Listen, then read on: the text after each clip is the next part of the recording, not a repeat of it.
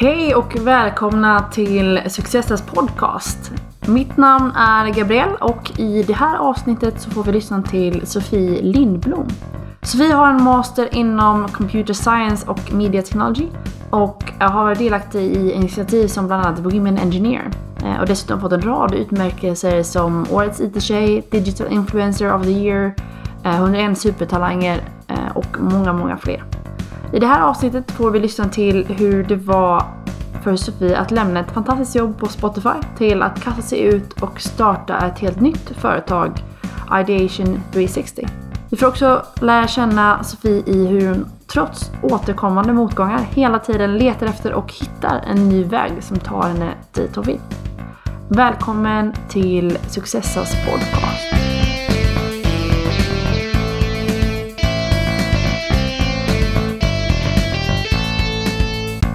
Hej! Du lyssnar just nu på Successa eh, och jag sitter här med ingen mindre än Sofie Lindblom. Välkommen till Successa Sofie! Tack så mycket!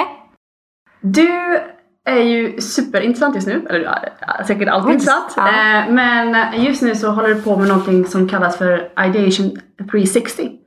Vad, vad är det och vad gör du där? Precis, så att um, Ideation 360 är ett bolag uh, som jobbar med innovation. Och det vi gör är att vi hjälper bolag att komma igång med själva innovationsprocessen. För ofta så är det lätt att sätta sin strategiska riktning och säga hit ska vi. Men sen står man lite handfallen i att okej, okay, hur börjar vi ta oss dit? Eh, så vi har byggt en digital plattform för att facilitera den processen men även utvecklat metoder för att gå från idé till verklighet. Och du är ju VD där nu och också grundare för, för bolaget. Eh, men innan så jobbade du på, på Spotify då som Global Innovation Manager. Hur kom du in på att du ville starta och driva just Ideation 360? bra fråga. Eh, man måste nog ändå tro lite på ödet. Eh, för det var det som spelade in här. Eh, jag letade egentligen inte efter eh, ett nytt jobb. Men man är nyfiken och jag tenderar att läsa väldigt mycket om innovation och följer mycket bloggar och nyhetsbrev och, och läser böcker och sådär. Så att jag hittade en artikel med ett bolag som heter Innovation 360 på LinkedIn. Där de pratade om ett ramverk för hur man kan mäta innovation i organisationer. Och innovation har ju ett rykte uh, att vara relativt fluffigt i många sammanhang. Uh, och jag är väldigt imponerad över vad Innovation 360 hade gjort här. Att de hade satt det i ett ramverk så att det faktiskt blev konkret och att man kunde mäta och använda data. Så att jag hörde av mig till eh, grundaren och vdn för det här bolaget, då, Magnus Penker, på LinkedIn. Och skrev någonting i stil med Hej hej, jag jobbar med innovation på Spotify. Jag tror vi skulle ha jättemycket att prata om. Eh, har du tid för en lunch? Och det hade han. Eh, och 50 minuter in på den här lunchen så droppar han att de ska starta ett dotterbolag.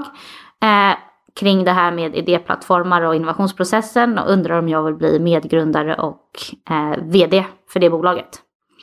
Så att eh, eh, det man lär sig härifrån är kanske att man ska höra av sig till folk på LinkedIn lite oftare. och vara lite osvensk i det, att, att höra av sig till de som man, eh, man tycker är intressanta. Ja. Men det här var ju absolut inte planerat så jag hade ju helt klart en, eh, en tankeställare eh, efter den lunchen. För det tycker jag är intressant. Alltså det här kommer nu och får ta, ta det steget och, och tar en, en lunch med den personen, får ett fantastiskt ja. erbjudande. Eh, men samtidigt har du berättat för mig att du hade det väldigt bra på Spotify. Det var ett väldigt häftigt företag som du tyckte om. Du det, det var, eh, hade många vänner där, hade liksom ett uppdrag du fått tillsammans med, eller av Daniel Ek eh, som skulle egentligen sträcka sig i tre år. Va?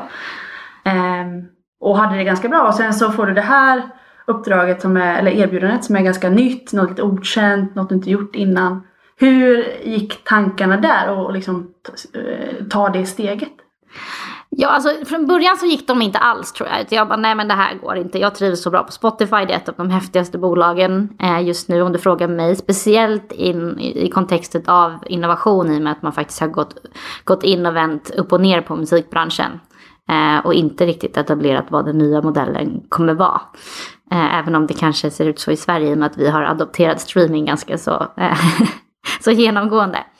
Eh, nej men så det var, det var jättesvårt faktiskt och eh, jag tror att man har i in, liksom präntat i hjärnan hur det ska gå till. Och jag har alltid velat att se om jag har vad, what it takes att, säga, att, att, att starta bolag. Men jag trodde att eh, jag behövde mer erfarenhet innan jag kunde ta det steget. Så i min eh, plan så kom det här lite för tidigt.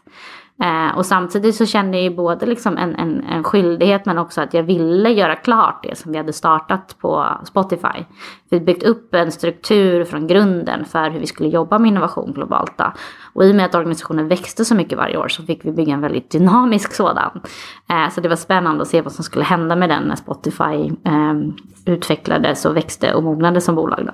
Så det var supersvårt och jag hade många sådana här, ni vet klassiska pros konslistor mm. eh, och kastade och gjorde nya. Jag ringde ganska mycket människor och frågade dem eh, vad de tyckte att jag skulle göra. Eh, och det är inte så att jag har haft sådär uttalade mentorer men jag har haft vissa liksom runt mig som jag litar på. Alltifrån kompisar till sådana som jag stött på i i eh, ska säga, karriärsammanhang, låter lite stelt, men liksom i mitt professionella liv. Då. Eh, så jag samlade väldigt mycket input och eh, sprang väldigt mycket När jag behöver tänka så springer jag runt Kungsholmen. Eh, och landade väl någonstans i att eh, jag måste hoppa på det här och testa det. Det är liksom en sån chans som inte kommer så ofta i livet. Även om... Och sen tror jag också att tajmingen kommer aldrig vara rätt. Eh, att liksom säga upp sig från en, en, en bra tjänst och ett välkänt bolag. Eh, och hoppa på någonting som ingen någonsin har hört om. Eh, och som man inte vet exakt hur man ska göra första gången man bygger ett bolag så vet man inte hur man gör det. Och det finns liksom inga böcker man kan läsa riktigt. Och hur går man tillväga då? Eller hur gick du tillväga? Där, nu, nu ska jag starta ett bolag. Jag har aldrig varit eh, VD innan, jag har aldrig startat ett bolag innan. Eh, första dagen på jobbet, vad gör du? um, nej men det var dels, jag fick nog ingen riktig första dag på jobbet för att så fort som jag liksom hade tagit det här beslutet. Och vad som är involverat där är också såklart att du måste ha koll på det juridiska. Du går in i, liksom i, i en struktur. Så mycket av första dagen på jobbet var mig var att försöka lära mig liksom de här olika Eh, hur de här kontrakten skulle skrivas och om, om jag blev lurad eller om det fungerade. eh, och hela den eh, biten. Men sen också försöka lägga ut vilka är de områdena som jag behöver styra upp och vilka är viktigast. Eh, och det tror jag är svårast, är att veta det. För du kan inte veta vad du inte vet. Så är det liksom, här skulle vi bygga en produkt och vi hade kunder som vi hade lovat att det skulle finnas en, en plattform. Eh, men å andra sidan ska man också sätta strukturerna för liksom finansiella och vilken typ av prismodell och affärsmodell. Man ska skapa en, en, en, liksom en, ett brand, ett varumärke eh, från scratch. Eh, sen ska man också bygga liksom en, en kultur och, och eh, rekrytera. Alltså det är så många olika pusselbitar att man bara, okej okay, vilken av de här är viktigast? Eh, jag vet inte om jag tog rätt väg men jag gjorde alla samtidigt. Okej. Jag tänkte fråga dig hur prioriterar du? Men det kanske var... ja, men det är tur att jag äger många hattar. För man ja. måste verkligen ha många hattar på sig när man, eh, när man bygger bolag. Och det är verkligen något som jag har fått eh, träna på. Att vara utanför min comfort zone väldigt ofta. Och hur var? För nu, nu har det, gått, det har ju gått väldigt, väldigt bra för er. Eh, och det är väldigt bra, jag vet inte. det, beror på, det beror på hur man definierar. Vi kör ja. ju med en väldig fart. Eh, och vi vill inte tappa pengar och eh, vi vill expandera globalt. Så att, alltså, eh, sätter man det i relation till kanske Ja, det finns ju ingen standardmall för hur man vill bygga sitt bolag. Men vi har tryckt på alla växlar samtidigt och det är väldigt spännande. Men då blir det också väldigt höga mål att nå. Så att, eh, jag tycker att det går bra. Eh, men det kan alltid gå bättre. ja. Såklart, och så är det säkert alltid ja. liksom, ifall du kör ett startup. Så du kan, man kan inte få allting perfekt liksom start, Nej, och det tror jag är viktigt. Alltså, vi är ju liksom uppvuxna med att allt ska vara eh, perfekt så. Eller att man kan inte lansera något om det är halvfärdigt. Eller man kan inte gå ut och sälja luft eh, i ett kundmöte eller någonting sånt där. Men det är lite vilda västern när man bygger bolag. Att man gör sådana saker ibland. Och hur känns det? Alltså hur känns det att, att gått från en organisation som visserligen är startup i att den är ny på så sätt med Spotify ja. men samtidigt är ganska långt ifrån en startup med att det är väldigt stort och nu liksom etablerat. Och, och gå till ett sånt här som det är, du är ytterst ansvarig, det är väldigt osäkert, ja. Eh, det är svårt att definiera vad som är success och inte. Hur, hur hanterar du det på ett personligt plan? Um jag vet inte faktiskt. Eller jag vet inte om jag har gjort det på ett bra eller dåligt sätt. För att jag har varit så stressad att jag inte riktigt hunnit tänka på det. Eh, jag fokuserar på att försöka prioritera rätt saker. För man har bara 24 timmar på dygnet. Och det är inte tillräckligt i min värld för vad vi vill göra och åstadkomma. Så då är det hur, hur smartast eh, spenderar man den tiden. Men någonting som jag aldrig tummar på. Eh, det är att jag tränar. För då har jag tid att tänka och så presterar jag bättre. Så hur mycket jag än har att göra så karvar jag ut tid för det. Det har varit min liksom sådär, eh, re, tumregel. Eh, och sen så försöker jag karva ut tid för att ha roligt. Mm. Även om det är bara en dag eller en helg eller liknande. För att det är så viktigt att ha roligt i livet. jag, jag, tycker verkligen det. Eh, och det ger en energi tillbaka. In, in, i, eh, in i liksom, eh, det som kanske är jobbigt eller behöver tar energi av en. Och vad, vad, när du karvar ut tid för roligt, vad, vad innebär det då? Nej men när man kollar på mitt Instagramkonto så kan man tro att jag kanske bara är på semester, men så är det inte riktigt. men jag gillar väldigt mycket att resa, så det kan vara allt ifrån att min, eh, en av mina bästa kompisar fyllde 30 år och skulle fira det i, i Sankt Petersburg i Ryssland en helg. Och då sa jag, nej men de här tre dagarna är jag borta liksom. Och sen så tar jag ikapp det genom att jobba tre helger efter eller, eller någonting sånt. Men ja. då kompromissar man om att det här är viktigt för mig. Eh, sen så kanske det är också viktigt eh, att bara typ sitta i soffan och stirra in i väggen och återhämta sig. Men det är någonting som jag fortfarande behöver jobba på. Ja. Blir lite rastlöst då. För det, just den här resa-biten och, mm. och bo på andra ställen. Det är någonting som du sagt att du, du är väldigt stolt och glad över att du gjort. Att du har rest så pass mycket som du gjort i livet och, och bott på så många olika ställen. Berätta, vad, vad har du gjort och, och vad är det som, som gör dig extra glad över att du gjort det? Vad har jag gjort? Ja. eh, nej men jag har bott eh, i, i ett par olika länder och vad gills då som bo? Jo men jag har väl satt att det är att man är där ungefär sex månader eller mer för att då hinner man eh, liksom lära känna kulturen, skapa och binda relationer som man inte gör om man är där på semester eller kortare uppdrag då. Eh, men det som är så intressant med att, eh, att dumpa ner så på en ny plats är ju att man eh, man startar ju från noll. För speciellt om man kommer själv. Ingen vet vem du är eller vilken bakgrund du är. Så att du, man får en tankeställare om när jag ska presentera mig och skapa ett nytt nätverk av kompisar och kontakter och kanske i en professionell roll eller vad man nu gör där så är det ju väldigt spännande och utmanande. Att liksom bygga upp ett helt nytt nätverk som kanske ser en på ett helt annat sätt än de som man växte upp med eller där man bor i sitt hemland nu. Alltså, ja, jag tycker det är väldigt spännande och så får man en väldigt, man får en väldigt, eh, liksom man får en respekt och en empati för andra kulturer och det gör ju att man förstår världen bättre. Och när man jobbar med innovation så är det en, en väldigt bra egenskap att ha, att konstant leta efter liksom och söka efter olika perspektiv och olika sätt att se på saker. En annan bit som jag tycker är superkul med dig är, när vi pratade innan ja. Eh, så började du beskriva, okay, men hur, hur såg vägen ut till Ideation 360? Eh, hur kom du dit? Och så sa du bara, ah, alltså den har bara varit kantad av, inte bara sorry, men den har varit kantad av motgångar. Jag har fastän blivit nekad på allt. Eh, och det tyckte jag var väldigt intressant. Eh, samtidigt så, så när man pratar lite mer med dig så, så låter det som att ah, men du, du får den här lilla smällen och, och sen så har du ändå hittat någon väg mm. in. Och eh, jag tänkte vi kan prata lite om det, för det tyckte jag var superkul. Um, eller kul, intressant ska jag säga. Eh, men det är en... lite roligt också. det är, så här i efterhand är det lite komiskt. Ja. Till skam den som ger sig.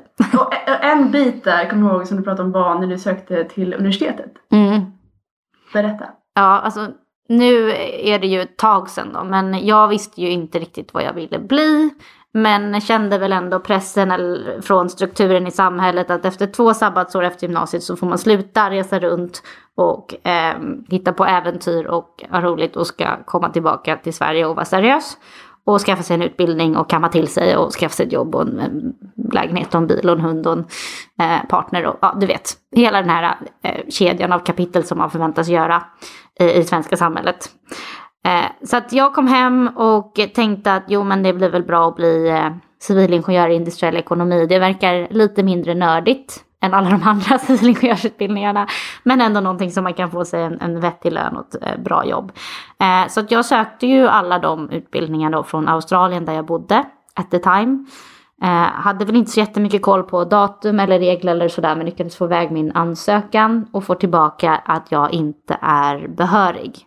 Så då har de när jag har eh, fokuserat på att hitta mig själv ute i världen ändrat reglerna på vad man behöver för matematikkurser. Mm. Så jag saknade en. Så att jag fick ju flyga hem till Sverige och hoppa på komvux där, hade inte tittat i en bok på två år och fick inte använda miniräknare och skulle klara matematik E som den hette då. Eh, min syster räddade mig som pluggade det på sista året på gymnasiet som kunde hjälpa mig lite. Så jag klarade den där med nöd och näppe och sökte in. Men då hamnade man ju i den här gruppen med alla som hade toppat sina betyg på, på komvux. Eh, och så bra betyg hade inte jag. Att jag kunde ligga med de som hade toppat till alla MVG. Så att, eh, jag kom inte in på något. Eh, och stod där i mitten av juni eller juli är det vad man får det där beskedet. Eh, och bara kände att jag absolut inte kunde gå tillbaka till något av de jobben som jag hade haft mellan alla mina reseäventyr för att det helt enkelt inte var min grej. Eh, att eh, sälja smink eller eh, ta betalt för matvaror eller stå på dagis eller vad det var nu jag hade gjort för någonting. Så jag bara, ja nej men okej, vad gör jag nu? Eh, och sen så såg jag att det fanns en utbildning kvar som eh, man bara fick hoppa på för det var så få som hade sökt det. Okay, ja. Eh, så jag fått för mig att jag ville vara nere i Linköping, på Linköpings universitet eller något sånt här eh, universitetsstads eh, universitet för att jag ville göra det här med overaller och eh, vara med i faderier och allt de här traditionerna för jag hade sett det och tyckte det verkade roligt. Och så var den här i Linköping då så jag bara, men då blir det väl den då. eh, för att när man har fått in en fot i dörren då kan man ju byta sen. Så tänkte jag. Så kollade jag att eh, kurserna matchade lite. Eh, så jag började på den här hårdvaru-elektronikprogrammet som hette elektronikdesign och det var ju uppenbarligen inte riktigt min grej. Ja. Eh, så det var ett ganska tufft halvår faktiskt. Jag var väldigt så här, uppgiven och ledsen, tyckte det var svårt. Eh, jag hade noll självförtroende att jag kunde bli ingenjör. Och failade den där första duggan som man hade också och livet var jobbigt. Jag ville hoppa av och åka hem och tillbaka till Australien. Men då måste man ju kämpa lite. Eh, så är det ju med allt som är förändring. Och så hittade jag medieteknik av en slump som en annan program och lyckades övertala den här eh, Heter du syokonsulent på universitetet? Ja, kanske. Jag Nej, förstår vad du menar ja, ja. Eh, den personen i alla fall. Sa att jag inte fick byta. Jag sa, men då hoppar jag av. Och då sa de, ja men gör det då. Men istället så gick jag till de som hade de individuella kurserna mm. och frågade om jag fick läsa dem och de sa ja. Så då gick jag tillbaka till den syokonsulenten eller motsvarigheten på universitetet och sa att nu har jag fixat det här. Eh, och så kom jag in på min utbildning. Okej, och sen fick du börja då på, på den Ja, de kunde liksom inte säga nej då när jag hade gått till var, varje kursledare och, och, frågat. Och det fanns plats. Mm.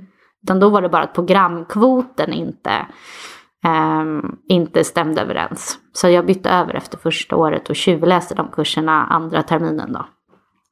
Och sen några år in där eh, så berättade du att du kom tillbaka från eh, Asien någonstans på utbyte va? Mm, eh, och precis. kände bara shit nu, nu behöver jag shapea upp det, nu måste jag gå in och, och eh, göra något ordentligt. Och, och, en grej som du sökte var ett internship på Spotify. Hur gick det där? Ja, ungefär samma, samma mönster. Nej men eh, jag pluggade mitt tredje år på National University of Singapore och studenterna där sopade banan med oss svenska utbytesstudenter. De frågade oss vad vi hade liksom för vår portfolio och vår egna hemsida. Vi bara, vi har inga hemsidor. Och så visade de upp sina egna liksom så här snygga portfolios online med projekt. Och så frågade de oss vad vi hade gjort internship någonstans. Och, och det hade vi inte gjort. Vi hade jobbat på typ Åhléns hade jag varit. Och jag bara, det är ganska bra i Sverige. De bara, vi har varit på Facebook och på Google. Så jag bara, jävlar nu måste vi shape it up här om vi ska kunna eh, tävla med de här eh, smarta människorna om framtidens jobb. Så jag kom hem till Sverige ganska motiverad att liksom bli lite mer seriös och göra mer än vad som krävdes för att få ett bra betyg. Eh, och en del av min då, eh, våg av seriösa initiativ var att jag ville ha ett sommarinternship på, på Spotify. Jag älskar musik och jag tycker Spotify är eh, ett extremt imponerande bolag i vad de har gjort för den branschen. Eh, och om jag skulle stanna i Sverige då så tänkte jag att det är där jag måste vara. Så jag sökte dit. Eh, och lite som när jag satt i Australien och sökte till en universitetsutbildning så Eh, fick jag bara ett blankt nej med en liten spellista som man får när man inte får jobb på Spotify. Det är kanske vissa som känner igen sig i det. Eh, för att mitt CV var inte tillräckligt starkt, tyckte de då.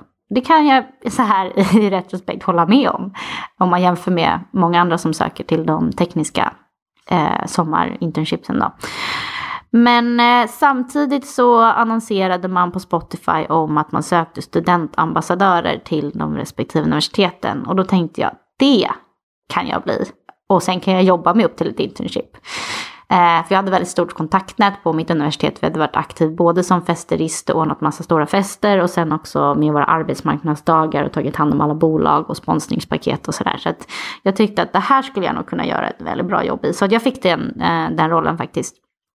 Och jobbade jättehårt eh, och tog mod till mig och vågade fråga min eh, chef i den rollen då, om han kunde rekommendera mig internt. Eh, och det var så som jag hamnade hos Rochelle King som är VP of Date and Design på Spotify. Eh, och lyckades få ett internship hos designteamet och bygga upp deras eh, team globalt. Tillsammans med Rochelle då. Vilket är typ en drömstart i karriären för mig. Men hade jag gett upp där så hade det inte blivit så. Då kanske jag hade börjat någon annanstans. Men har det alltid varit en självklarhet för dig? Att bara, nej men, eh, ja, det är väl inget farligt med nej, så är det bara att fortsätta ta en ny väg. Jag tror att jag tycker att det är så extremt jobbigt att misslyckas. Att jag bara försöker hitta vägar som gör att jag inte misslyckas då. Eh, någonting sånt. Eh, och sen tror jag att eh, man måste liksom prototypa många olika vägar till vad man försöker uppnå. Och när man gör det så kanske man hittar andra saker på vägen som eh, är mycket bättre. Och det, är, det var det som hände både med universitetet. Jag skulle varit en fruktansvärd iare. Alltså, jag skulle varit så dålig. Eh, för att jag tycker inte de sakerna är roliga. Men det visste jag inte. Nu vet jag lite mer vad det innebär. Eh, men däremot så passade det väldigt bra på medieteknik när man fick vara lite mer kreativ och man fick kombinera liksom programmering med design och produktutveckling och sådär. Eh, och samma sak på Spotify så hade jag nog varit en väldigt dålig eh, intern om jag skulle programmera. Jag hade inte alls den, den höjden i min eh, programmeringsskills eh, som behövdes. Eh, utan mycket bättre på att jobba med operations och fick lära mig hur man gör det globalt och eh, om ledarskap och kultur och hur man liksom balanserar olika discipliner, vilket var en perfekt grund för att börja jobba med innovation management. Men det hade inte hänt om det inte var så att jag bara hade varit lite öppensinnad och sagt, ja men jag tar den här rollen som studentambassadör, även om att ordna event och office tours inte är vad jag vill göra med mitt liv i framtiden. Mm. Eh, så jag tror att man ska vara lite öppensinnad och prestigelös i hur man börjar. Sen ska det alltid finnas en, liksom en en bana framåt som, som hjälper en att röra sig mot det man vill. Och inser man att det inte är så, då är det ju bara att säga hej då och hoppa på nästa grej. Vi har ju så bortskämda här, vi kan göra det. Speciellt med en utbildning i ryggen. Mm. Och nu, nu har du haft några år här, både på, ja, som, som, student och på Spotify och nu med nya företaget. Mm. Finns det någonting som har varit extra viktigt och som du känner att det här, det här skulle vi skicka med till alla som kanske är några, några steg bakom mig i livet? Oj. Um, ja, det är ju, man måste ju ha, man måste ha, liksom, man måste hitta sätt att bygga upp sitt eh, självförtroende. För det kommer ju vara sådana eh, såna situationer när man tvivlar på sig själv väldigt mycket och bara kan jag ställa mig på en scen och prata om det här? Kan jag verkligen söka den här rollen? Kan jag verkligen hålla den här presentationen? Kan jag verkligen mejla den här chefen och säga att jag borde bli bjuden på det här? Vilket jag har gjort några gånger. Eh, nej, men att tro på sig själv och inte bli liksom nerpetad av de här strukturerna av att nej men du måste ha så här många års erfarenhet av det här, eller du måste ha gjort det här eller det här. Utan bara nej men det här är liksom potentialen det här det jag levererat och inte låta de grejerna hålla, hålla, sig, hålla, hålla en tillbaka. Sen ska man givetvis vara ödmjuk för att man är ung och inte kan allt. Man ska gärna vara ödmjuk och, och, och man inte kan allt när man är gammal också. Men någon form av balans där av att liksom ändå tro på sig själv och den förmågan man har. Och de rättigheterna och de förutsättningarna som man ska ha för att få lyckas. Eh, så det tror jag är väldigt viktigt. Eh, återigen, jag tycker det är viktigt att komma ihåg att man ska ha, hinna ha roligt också. Eh, idag så är det så mycket press på att man ska ha perfekt CV, man ska ha 145 000 olika non-profit aktiviteter som pågår på sidan av. Eh, en jättebra, ett jättebra förhållande, en jättefin lägenhet, bla bla bla bla bla. Men alltså man måste också känna efter lite vad som är vad som är roligt. Det finns så himla mycket måsten. Kanske inte behöver ticka alla de boxarna, bara några stycken. Ja. Sofie, tack så jättemycket för att du var med här. Det har varit jätteintressant att prata med dig och jag önskar dig all lycka till i framtiden. Tack och tack för att ni gör det här. Jag tycker att det är superviktigt. Verkligen. Tipptopp.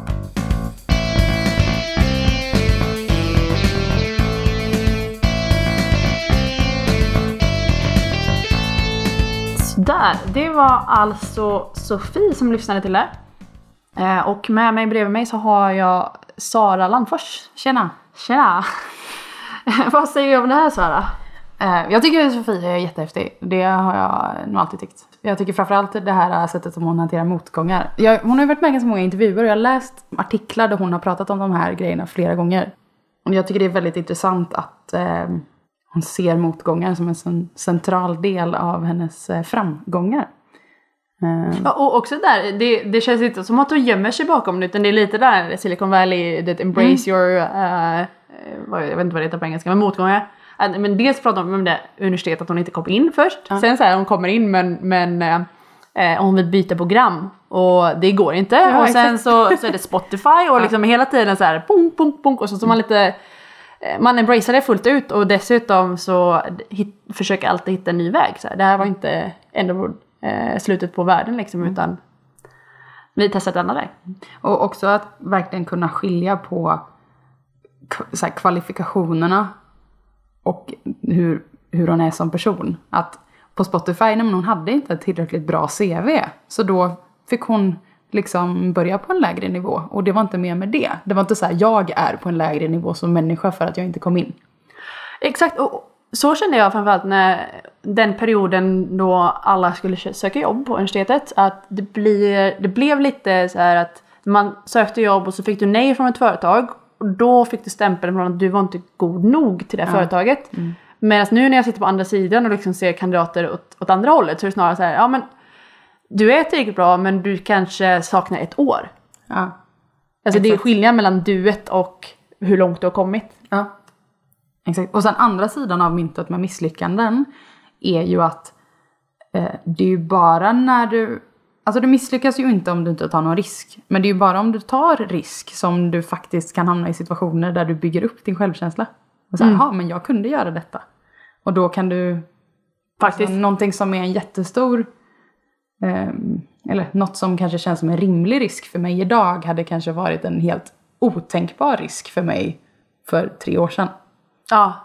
Och bli, be, och bli bekväm i situationer. Att eh, för egen del så jag, jag är liksom en sån person som det, var någon som sa till mig när jag var 14 bara du ska eventuellt gå upp på scen eller bara ställa dig framför tre personer och hålla ett tal liksom. Och det- hjärtat börjar bulta typ så jag höll på att svimma nästan. eh, och eh, nu har jag inte alls något problem med det. Men det har ju verkligen varit just på det sättet att okay, men jag tvingat mig själv att sätta mig i situationer där jag måste öva. Och då till slut så, så är det liksom en bagatell. En annan grej som vi ville ta upp var ju det här med att hon jobbar väldigt mycket.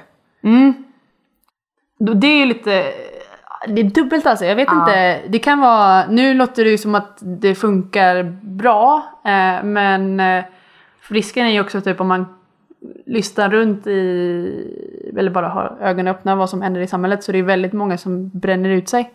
Eh, så man får, det, det kanske funkar för henne, jag vet inte, men, eh, men man får nog vara lite medveten om, okej men ska du jobba alla helger i rad så eh, det kan komma till en kost. Ja, och jag tror...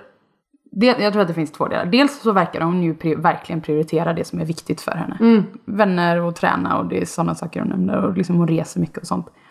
Så det verkar ju som att hon har byggt upp en balans som funkar för henne. Det jag tror kan bli farligt är om man tittar på en person som man dömer som framgångsrik. Och så säger man till sig själv, jag måste också ha den livsbalansen i mitt liv för att jag ska bli framgångsrik. Jag tror det är där det blir farligt. Ehm, Absolut. det är klart att man påverkas av att man upplever att folk ja, men, jobbar 80 timmars veckor och då måste jag göra det annars kan jag inte bli framgångsrik. Där tror jag det finns Ja. en fara. Liksom. Men jag tror man ska också ska akta sig från att döma. Vi har ju ingen aning om vad hon behöver för att... Och det kan jag bara kolla på mig själv. Alltså så här, jag, en, min kapacitet och vad jag tycker är rimligt och vad jag kan hantera har varierat, varierat väldigt mycket. Dels över tid. eh, och hur bekväm du är i uppgiften. Men också liksom hur mycket eh, som händer runt omkring i livet. Alltså är resten av livet bra då, då, då kräver inte det så mycket mental kraft. Eh, och sen en tredje bit, att just som du säger, eller som liksom hon verkar trycka på, okay, men vad är det egentligen för punkter som är viktiga i mitt liv för att jag ska eh, dels må bra och tycka att jag har ett bra liv, eh, men också liksom må bra långsiktigt även på ett psykologiskt bra. Mm, exakt. Och där kommer vi väl in på också en sak som vi tänkte på, det här med att ta hjälp av människor. Att mm. du kanske, um, du kan säkert klara jättemycket själv om du är ambitiös och du vill mycket. Men du kan förmodligen klara ännu mer om du eh, tar hjälp av människor. Det tycker jag att hon visar jättebra exempel på. Ja men det är nog samma sak igen typ med, jag älskar verkligen hennes äh, avsaknad av rädsla, både liksom i det här och, och embracea motgångar. Eh, men även i det här fallet som du pratade om att att eh, liksom använda sig av mentorer till exempel. Eh, och inte vara rädd och liksom, eh, ja men nu ska jag byta jobb och reach ut till personer som, som, eh, man, som inspirerar en, om man litar på. Mm. Eh, men också det att, ja men det, inte vara rädd för att höra av sig till, eh, till random folk. Hon, hon nådde ut den här personen till LinkedIn och egentligen bara för att så här, han var en cool person. Mm. och så ledde det till det här. Mm.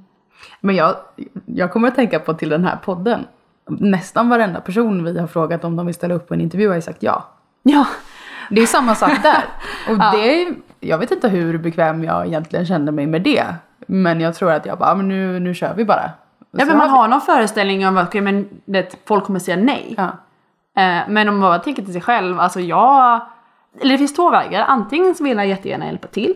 Eller så, det är ju inte så att du blir sur om någon frågar så nej men jag kan inte liksom. Exakt.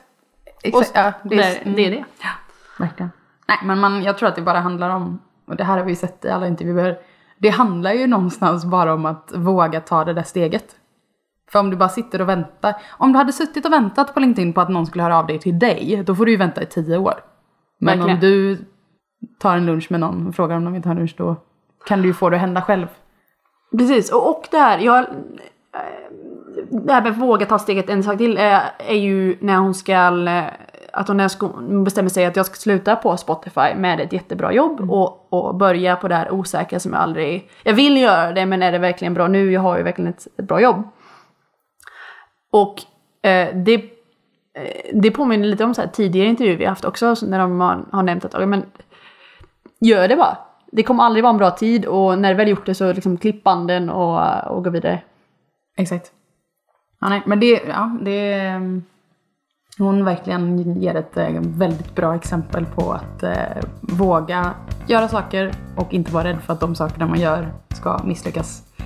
Superimponerande helt enkelt. Tack Sofie!